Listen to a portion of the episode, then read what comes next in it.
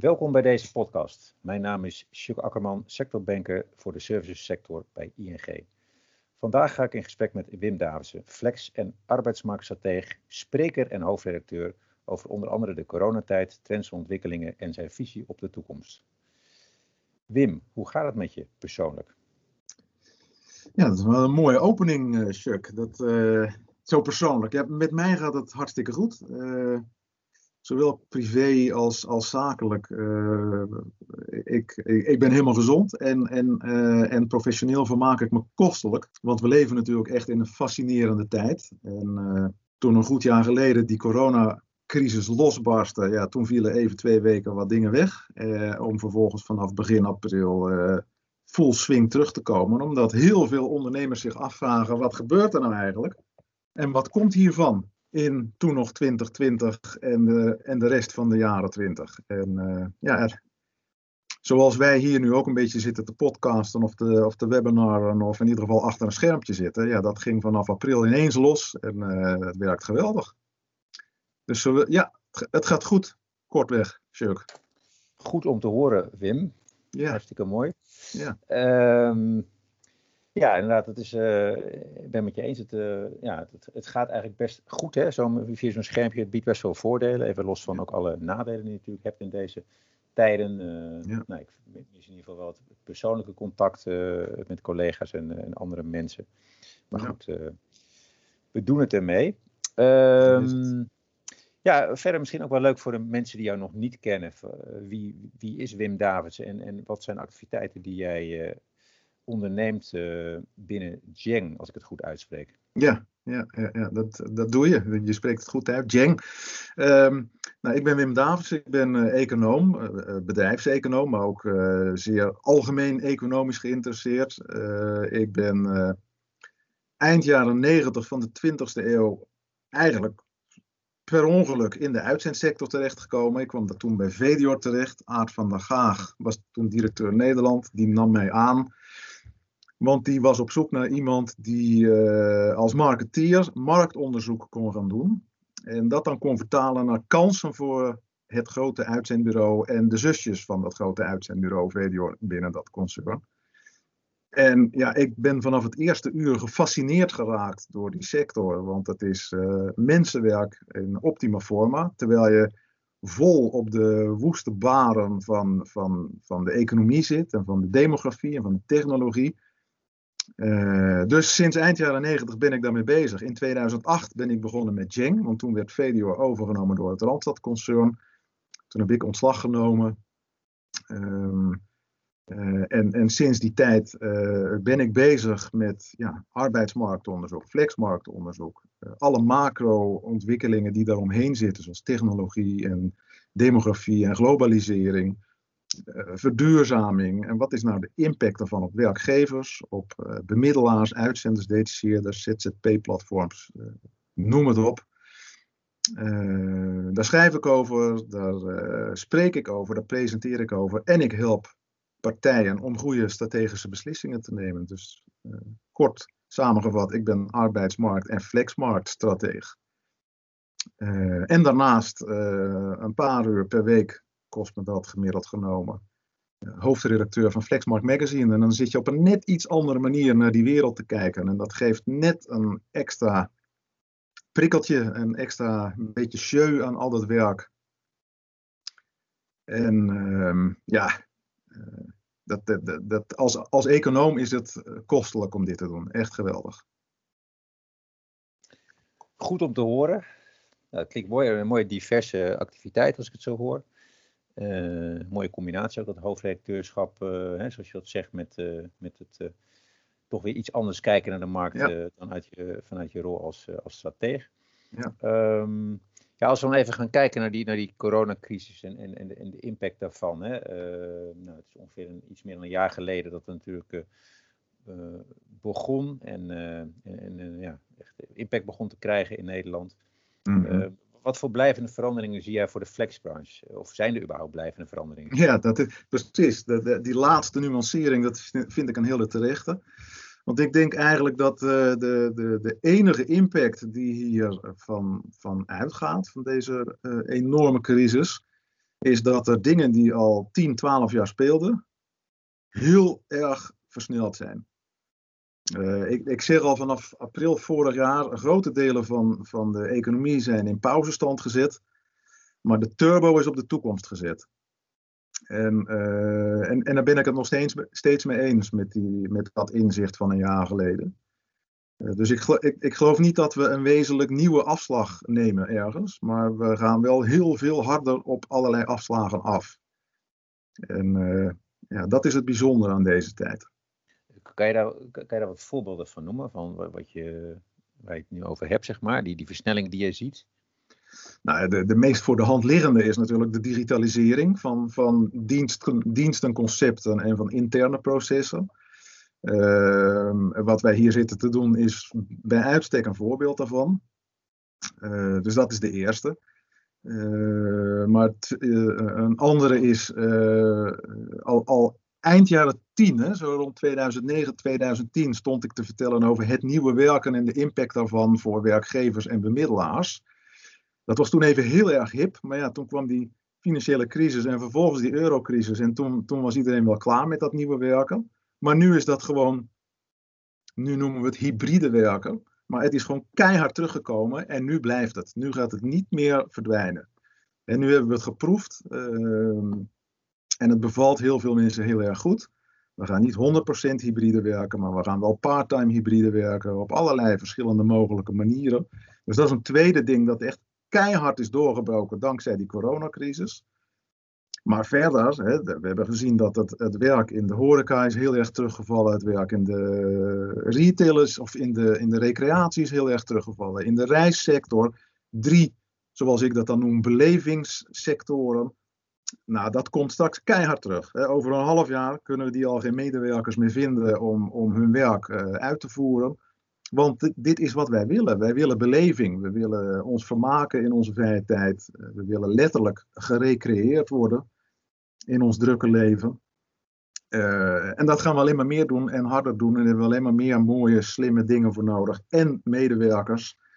Dus dat is een turbo op zo'n, zo'n ding waar we eigenlijk al een poos mee bezig zijn. En, uh, ja, en we gaan straks ook merken, als we weer terugkomen in een gezonde economie, dat uh, de zorgsector, gewoon blijvend personele uitdagingen heeft. De vergrijzing komt nu serieus op gang. In 2020 zaten we op anderhalf miljoen 75-plussers. Daar komt nu de turbo op. Dat gaat naar dik 3 miljoen in 2050. En tot nog toe ontwikkelde de zorgsector zich één op één in het tempo uh, uh, van de vergrijzing. Nou, als dat, als dat zo doorgaat, dan hebben we een hele grote personele uitdaging. Maar dat hebben we eigenlijk al 10, 15 jaar lang. Dus de dingen die we de afgelopen, sinds de financiële crisis eigenlijk, sinds 2008, hebben zien op gang komen, een klein beetje zien veranderen, ja, die zien we nu met de turbo erop veranderen. En dat is het fascinerende van 2020 geweest. Er is niet wezenlijk iets veranderd, behalve dan dat het in een stroomversnelling is gekomen. Ja, en wat, wat betekenen die ontwikkeling en die stroomversnelling eh, voor de flexbranche? Nou, die, die betekenen behoorlijk veel. Uh, om te beginnen natuurlijk moet je als, als flex-ondernemer moet je, je afvragen, wat betekent dit nou voor mijn doelgroepen? Waar zitten mijn doelgroepen? En van welke sectoren ben ik nou meer of minder afhankelijk? En wat is dan de impact van deze versnelling, van, van die trends die al lang aan de gang zijn, maar nu versneld worden? Wat is de impact op mijn markt? Nou, die kan groeien, die kan krimpen, die kan een klein beetje stabiliseren, maar uh, daar gebeurt iets mee. Maar een heel concreet voorbeeld van, van dingen die echt heel hard aan het veranderen zijn, is de administratief medewerker. Administratief medewerker, dat is traditioneel een van de belangrijke bemiddelde functies in de uitzendsector. Um, en in 2008 hadden we ruim een half miljoen uh, administratief medewerkers in Nederland in de back-offices uh, werken. Uh, en sinds die tijd zijn er door automatisering en kunstmatige, kunstmatige intelligentie ongeveer 40% van die banen verdwenen. En dat zie je dus ook terug in de uitzendsector. Hè. Dat, want dat was een hele belangrijke functie. En als je bijvoorbeeld naar de ABU Marktmonitor kijkt, dan zie je al heel lang dat de administratieve uitzendingen daarin nauwelijks op gang komen. Terwijl dat juist vaak een laatcyclische reactie was op wat er gebeurde in de economie. En dat is nu veel, de afgelopen decennium veel minder gebeurd. En een van de belangrijke verklaringen daarvoor is dat dat werk gewoon aan het verdwijnen is. Door digitalisering. Dus kijk heel goed naar je portfolio. Wat zet je weg? In welke sector? En hoe uh, future-proof of niet is dat? Dus dat zijn zo'n paar dingen van uh, voorbeelden van, van uh, ontwikkelingen, veranderingen die al spelen en die versneld gaan spelen.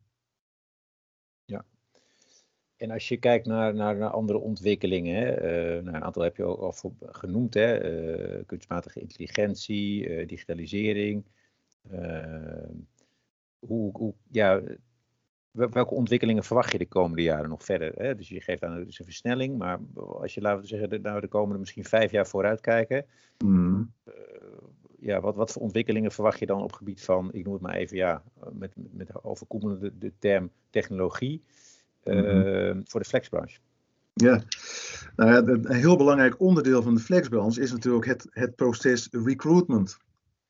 Uh, als je nu kijkt wat er gebeurt op het gebied van recruitment, dat is echt bijna niet te volgen daar, komen elke dag nieuwe start-ups bij die een, een componentje in dat recruitmentproces op een schitterende of minder schitterende manier voorzien van digitalisering of zelfs al kunstmatige intelligentie. En uh, dat moet je gewoon volgen, op zijn minst. Hè. Je moet zorgen dat je uh, nu een soortje van bijblijft met al die nieuwe ontwikkelingen. Want wat betekent dat nou voor jouw sollicitatiegesprek?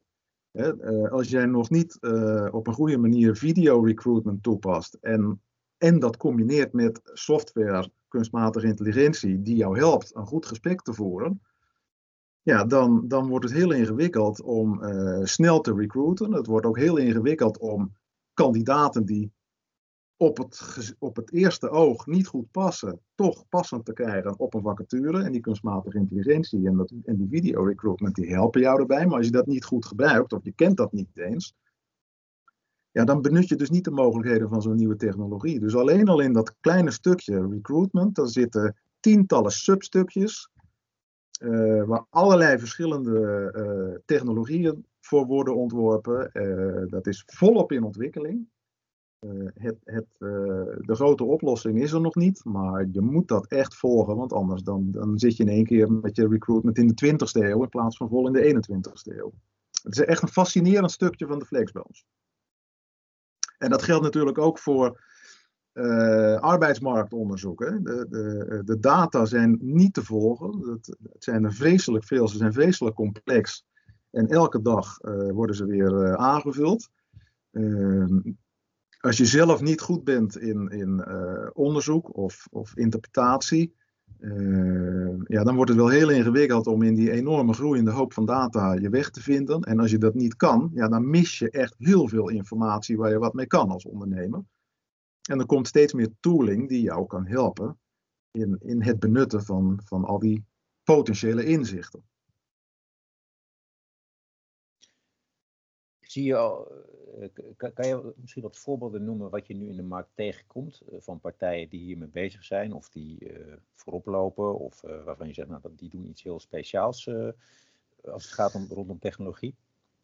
Ja, ja, ik ben altijd super slecht in namen onthouden, maar ik zag eind vorige week bijvoorbeeld de top 35, de top 35 van Recruitment Tech. die hebben, elk jaar hebben die een aantal updates.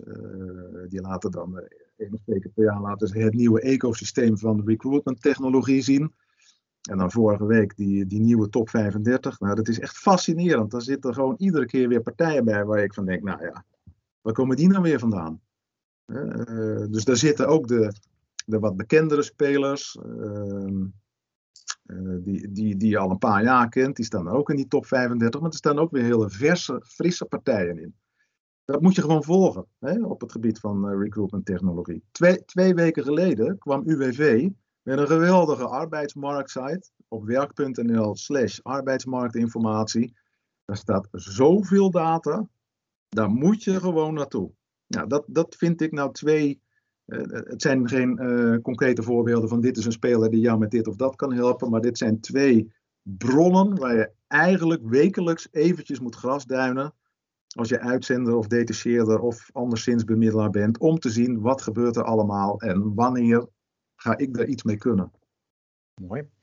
En, en um, even kijken, platformen heb ik hier volgens mij nog niet over gehoord. Nee, uh, nee, hoe, kijk jij daarnaar?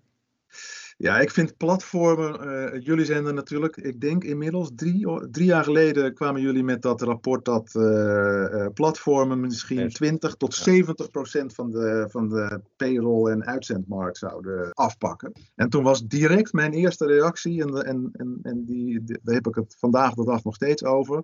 Nee, ik zie platforms helemaal niet als partijen die de uitzendsector kunnen, kunnen verkleinen. Ik zie het juist als kanaal voor uh, Flexbureau 4.0, zoals ik dat dan noem. Een flexbureau dat helemaal klaar is voor de vierde industriële revolutie, waar, we nu zo ongeveer aan beginnen. Een platform is voor mij gewoon een nieuw onderdeel, een extra onderdeel van je multi-channel benadering. Je hebt je mobiele telefoon, je hebt je social media, je hebt uh, ook af en toe nog een mooie vestiging waar mensen op visite komen en een goed gesprek komen voeren. En je hebt een platform waarmee je ook contact kan opbouwen. Het grote voordeel van zo'n platform is vaak dat je daarmee ook andere doelgroepen kan bereiken. Dat, dat vind ik een, een, een, een toegevoegde waarde van platforms. Omdat er eigenlijk heel veel personeel rondloopt dat anders als ZZP'er of als oproepkracht zou werken en nooit als uitzendkracht weggezet zou kunnen worden. Uh, en die kun je nu ook ineens benaderen. Dus ik, ik vind het een verrijking, een potentiële verrijking voor het uitzendbureau en het detacheringsbureau. Nou, dat zie je net in de praktijk ook wat jij zegt. Dat vind ik wel mooi dat je dat zegt. Dat die aanvullende werking. Er zijn er partijen die zeg maar een, ik noem het maar even een, een, klassiek, maar in ieder geval een uitzendbureau hebben. Maar daarnaast inderdaad ook een, een, een platform waarbij ze dus inderdaad meer ja, echt uh, dagwerk bemiddelen. Hè? Dus, uh, ja. dus op dagbasis. Ja. Uh, wat echt aanvullend is. Uh, wat ze inderdaad bieden zeg maar, vanuit het uitzendbureau. Dus het is inderdaad wel uh, iets wat ik, wat ik inderdaad ook herken. Um, en als je kijkt naar digitalisering, zie, zie je daar nog, hè, er zijn heel veel processen zijn natuurlijk al gedigitaliseerd. Zie je daar Ja. nog meer mogelijkheden om, om dat nog verder door te zetten? Nou ja, ik de, wat jij nu zegt, de, de heel veel processen zijn al gedigitaliseerd. Uh, ik, ik durf de stelling aan dat er nog veel te weinig is gedigitaliseerd. Dat we nog maar net zijn begonnen. En, en, en dat we dankzij corona, dat klinkt heel beroerd, maar, maar toch dankzij corona nu inzien dat we door moeten pakken. Eigenlijk zitten we al 25 jaar te sukkelen. Hè? Er is al 25 jaar e-commerce. En nu pas hebben spelers, ook in de retail, door. Ja, wat Amazon doet, dat is toch wel de toekomst. En dat is bij ons, uh, bij uitzenden en detacheren, uh, dat, dat, kwartje is pas in 2020 echt gevallen. Maar dan ben je niet in 2021 klaar met je digitalisering. Hè? Dus, dus ik ga dus, ik, mijn stelling is, we zijn nu pas serieus begonnen. Ja, en, en Hoop ik, hè? Want als je nu nog niet serieus bent begonnen, nou, dan, nee. dan, dan kom je verder de 21ste eeuw niet meer echt in, denk ik. Nee, er is natuurlijk wel een verschil. Hè, tussen sommige partijen lopen daar wat meer mee voorop dan anderen. Uh, ja. En andere die hebben daar nog een, nou, wat, wat, wat meer, uh, uh, hoe zal ik dat zeggen, nog, een, nog een, een inhaalslag te maken. Ja. Ehm, ja. En de truc is natuurlijk dat je, dat je ontdekt, uh, dat je de symbiose ontdekt tussen mens en, en machine, tussen de medewerker en digitalisering. Die moeten elkaar niet verdrijven, maar die moeten elkaar opstuwen naar 1 plus 1 is 3. Ja. En dat, dat wordt natuurlijk de, de, de nieuwe truc voor, voor organiseren in de flexbranche. In alle, in alle branches, maar, maar, maar zeker ook in onze mensen, mensen, mensensector. High tech, high touch. Ja, absoluut, absoluut, zeker. En dan iets anders, duurzaamheid. Hoe, uh, dat is natuurlijk iets wat, wat je steeds vaker hoort in, in de maatschappij. Ja. Uh, uh, nou, ook, ook binnen de, binnen de flex uh, is het natuurlijk een onderwerp wat speelt. Hoe, hoe zie jij dat verder ontwikkelen de komende jaren? Ja, daar, daar geldt eenzelfde soort redenering wat mij betreft. De duurzaamheid, daar hebben we het ook al twintig jaar over, maar dat is toch heel vaak green window dressing. Uh, maar nu gaat het echt doorpakken. We gaan echt door naar die energietransitie. We gaan echt door naar uh, ander transport. We gaan echt door naar uh, minder fossiel en, en meer elektra en, en anderszins groen. En strategisch gezien betekent dat natuurlijk nogal wat. Want dat weer terug naar je doelgroepenredenering. Wat betekent dat dan? Ik als uitzender of detacheerder, wat betekent dat dan voor mij, voor mijn doelgroepen? Gaan die groeien? Gaan die krimpen? Gaan die andere dingen doen? Hebben ze er ander personeel voor nodig? Of ander personeel met andere competenties en vaardigheden? Zit ik in de buurt van de bron van dat soort personeel en van dat soort kennis? Of dreig ik helemaal op een zijspoor te raken? De, die strategische redenering moet je nu wel aanhangen. Uh, en het is de hoogste tijd dat je daarmee gaat beginnen uh, als je uitzender of detacheerder bent. Want het kan zomaar zijn dat je bij wijze van spreken eerst administratief medewerker uh, bent kwijtgeraakt. En dat je straks ook de monteur niet meer hebt die die groene transitie moet inzetten in, in de nieuwe woningbouw. En ja, de, de markt verandert, ook vanwege verduurzaming. dus zorg dat jij het personeel hebt dat daar een hoofdrol in kan spelen. En als je kijkt naar, uh, hoe, hoe kijk je naar opleidingen? Want dat is iets wat je ook wel eens hoort, hè? Dat, dat, dat er gezegd wordt, nou, uh, leven lang uh, werken, leven lang leren. Ja. Eh, uitzenders zouden daar nog meer een rol in kunnen pakken. Ook het begeleiden van mensen van, van werk naar werk. Ja. en ook zorgen dat ze zeg maar, tijdens het werk nou ja, duurzaam inzetbaar blijven. Om ook ja. eventueel ander werk te kunnen gaan doen, mocht dat nodig zijn. Ja. Hoe kijk je daar naartoe? Naar, daarna? Ja, ik ben er altijd groot fan van geweest. Ik denk dat je, uh, je kan. Uh, een hele belangrijke bron van werktevredenheid is dat mensen zich realiseren dat ze toch weer een stapje hebben gezet. Dat ze weer wat verder zijn gekomen. Dat ze professioneel en persoonlijk weer wat zijn gegroeid. En een uitzendbureau en een detacheringsbureau zijn bij uitstek geschikt om, om, om, om, op die weg te gidsen. En, uh, en zeker nu we heel veel nieuwe dingen moeten gaan leren en oude dingen moeten gaan afleren, uh, kunnen uitzenders en detacheerders daar een, een, hoofdrol in vervullen. Uh, en dat gaat niet alleen over opleidingen geven of trainingen en cursussen faciliteren. Dat gaat ook over heel goed nadenken over wat vergt dat werk en wat kan mijn kandidaat en welke stap moet hij zetten om dat te kunnen doen. Ja, dat, blijkt al heel lang dat leren doe je uh, veel minder in de bankjes en veel meer in de praktijk. Hè? Het is learning by doing, learning on the job. Uh, ik geloof dat zelfs 70% van wat je leert, leer je door het te doen. dus je moet iedere keer nadenken over niet hoe kan ik een schaap met vijf poten vinden, maar hoe kan ik een schaap met drie poten vinden en zorgen dat het vierde poot, pootje er aangroeit. en als je dat voor elkaar krijgt, en je kan dat soort loopbaan paden bedenken en, en realiseren, dan help je jezelf, je helpt je kandidaat en je helpt je opdrachtgever. Want op een arbeidsmarkt die structureel krap gaat worden en waarin we heel veel omscholing vanwege al die nieuwe ontwikkelingen moeten gaan, gaan laten plaatsvinden. Nou, als je dat voor elkaar krijgt, dan, dan heb je echt een sterke propositie te pakken als uitzender of detacheerder. We hebben nu een aantal ontwikkelingen besproken, een aantal trends. Uh, zijn er nog andere trends die jij ziet ja. komen?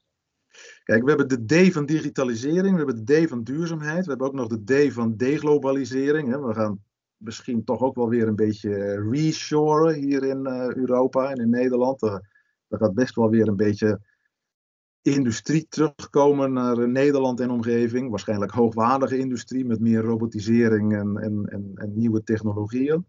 Dus dat is een belangrijke. Maar uh, de D van demografie, die mogen we ook niet over het hoofd zien. En daar spelen in ieder zeker twee hele belangrijke subonderwerpen. Het eerste onderwerp is vergrijzing.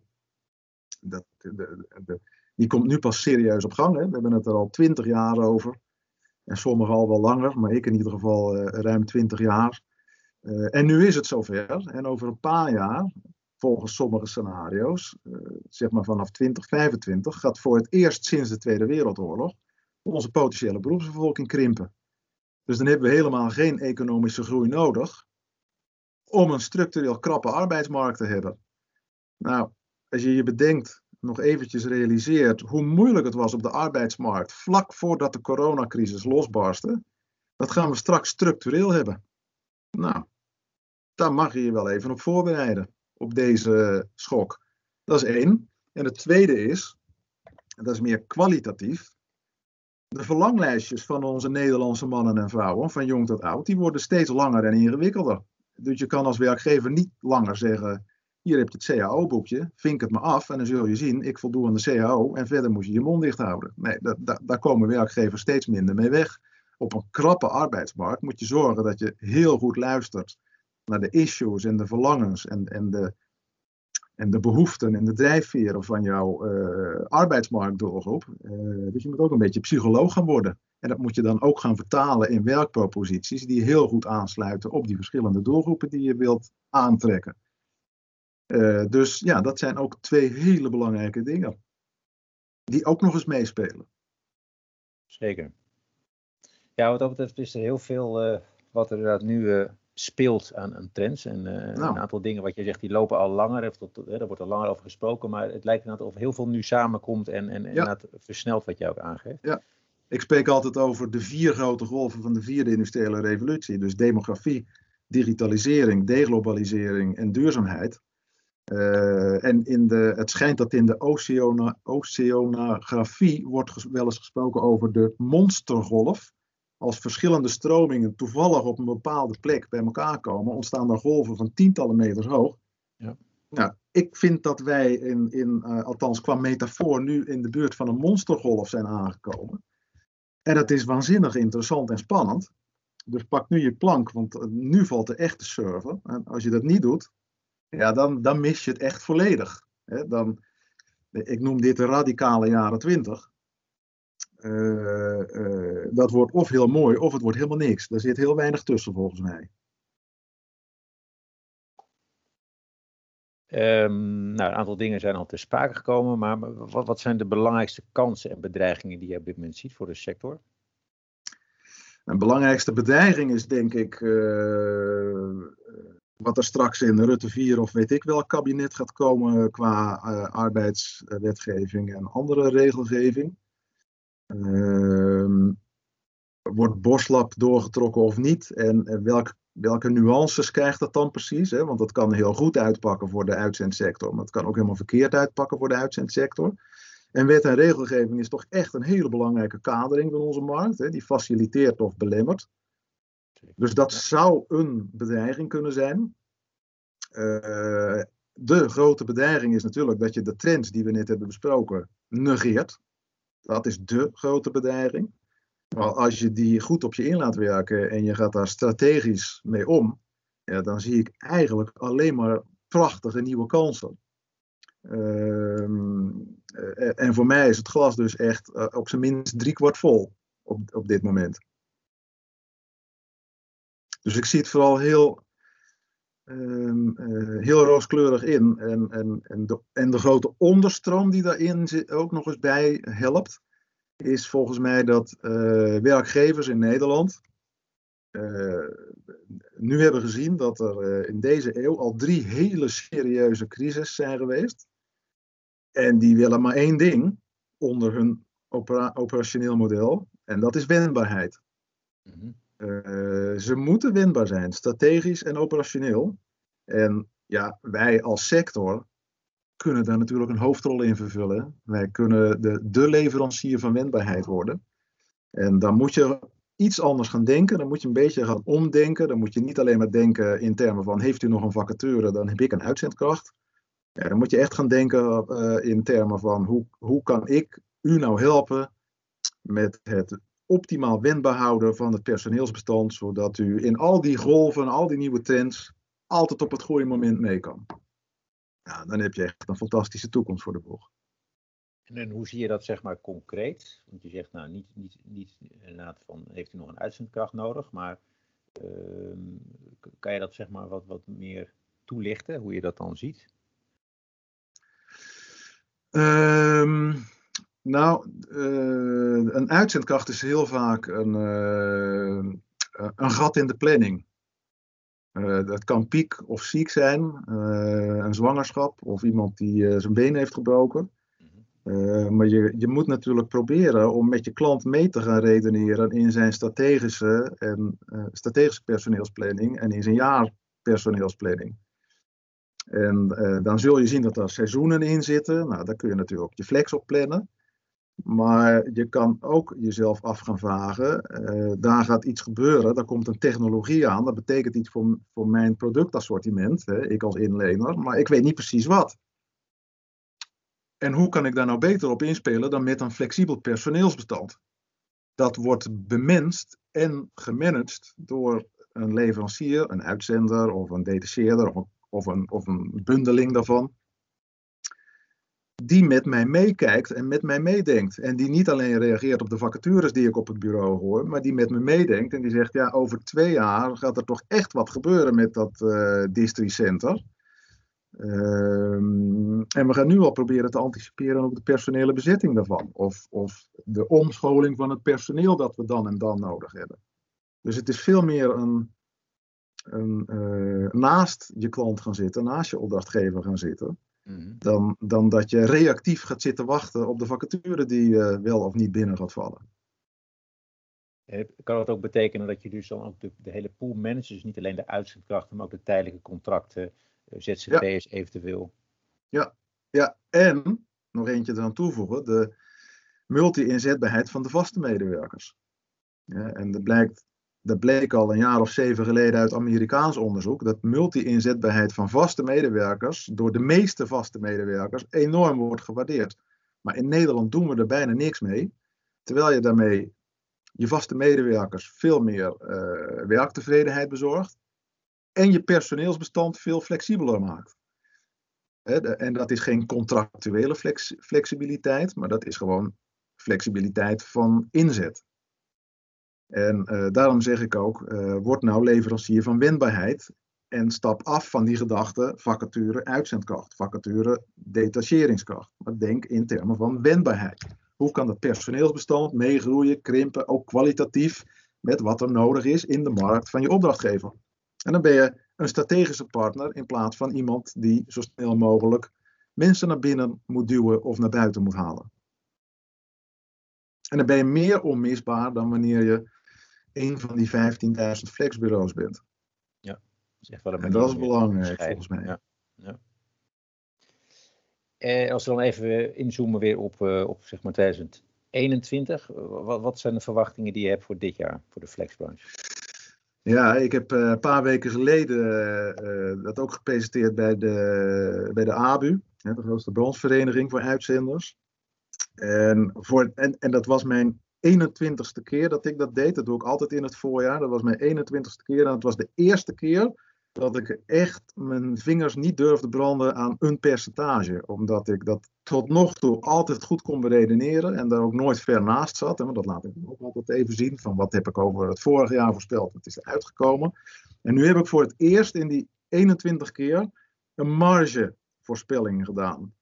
Dus ik denk dat de minimale groei van de sector dit jaar uitkomt op 3%. Maar dat het ook heel goed mogelijk is dat het 13% gaat groeien. En alles wat ertussen zit. Ja. Maar ik heb een lijstje van 10 onzekerheden opgenoemd waar dat van afhangt. En dat heb ik echt nog niet eerder beleefd. Dat we zoveel onzekerheden hadden. Die ik gewoon van tevoren kan, kan, in, uh, kan laten zien. Zonder dat ik kan inschatten wat er dan precies uitkomt. Dus ik zit op een groei van plus 3 tot plus 13. Dat, is, dat is mijn verwachtingsmarge. Wat zijn de, de, de, laten we zeggen, de, de, de, de twee, drie belangrijkste onzekerheden? Nou, wat ik een hele belangrijke onzekerheid vind is, uh, uh, afgelopen maanden hebben uitzenders, een, een, aantal uitzenders, heel veel business gehad bij de GGD en bij de, bij de teststaten en de vaccinatielocaties. Hoe lang gaat dat door? Als dat lang doorgaat, is dat ontzettend veel extra business. Als dat niet lang doorgaat, dan zakt dat ineens heel hard weg. Nou, dat is een enorm gat. Ehm, een tweede hele belangrijke is, ehm, eh, wat gebeurt er in de techniek? De techniek heeft de afgelopen tien jaar een enorme groei gekend in uitzenden en detacheren. En toen kwam er een hele krappe arbeidsmarkt, twee jaar geleden. En toen zette dat ineens een rem op het inlenen van technici. En, um, en toen kwam de coronacrisis en toen was er een krimp van tot 40% in de inhuur van technici. Normaal gesproken, als een economie aantrekt, is dat iets minder heftig. Die krimp is dan iets minder heftig en die slaat dan ineens ook heel snel om naar een groei van 20 tot 30 procent. Nou, dat durf ik nu echt niet te voorspellen dat dat nu ook weer zal gebeuren. Want ik kan me heel goed voorstellen dat werkgevers zeggen: zo'n krappe arbeidsmarkt wil ik die technici gewoon direct een vast contract bieden. En dan hebben we dus geen herstel van techniek in uitzenden. Wel in detacheren, denk ik, want detacheren is een mooie werkpropositie waar die kandidaat ook heel veel mee kan. dus dat is ook een belangrijke onzekerheid. Dat hebben we in de geschiedenis nog niet beleefd.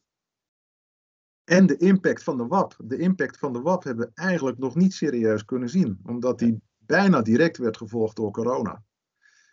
En ik denk dat er inmiddels veel werkgevers zijn die denken, nou die WAP, het zal wel, ik ga toch gewoon weer inlenen zoals ik dat voor de WAP ook deed. Maar er zullen er ook zijn die dat misschien nog niet durven. Dus ja, dit zijn zo drie onzekerheden die we nog niet eerder hebben gezien in onze geschiedenis. Ja, eens, eens. En, en de laatste vraag alweer, Wim. De, het, eh, het gaat snel. Ja. Uh, hoe zie jij de toekomst van de flexbranche voor de komende jaren? Ehm, nou, eigenlijk als ik samenvat wat ik de afgelopen 10, 15 minuten heb gezegd, dan denk ik dat als de wet en regelgeving niet mega stringent gaat worden, dat, dat uh, de uitzendsector en de detacheringssector en alle andere vormen van, van, van externe flex, van contractuele flex, dat dat gewoon weer een mooie, prachtige toekomst heeft.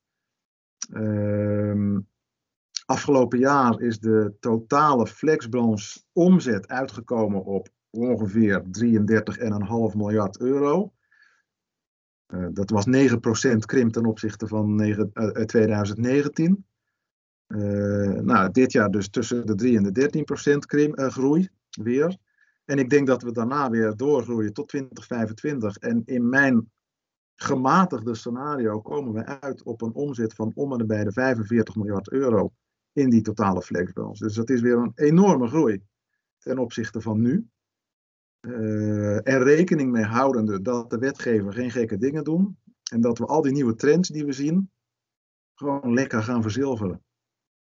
En ik zou niet weten waarom we dat niet gaan doen, want we zijn uh, allemaal ondernemers uh, die mee willen met die nieuwe toekomst. Dus ja, ik, ik zie dat heel rooskleurig in. Nou, ik mooi uh, om met dat positieve, die positieve boodschap uh, te eindigen. Wim, heel erg bedankt uh, voor het gesprek. Graag gedaan.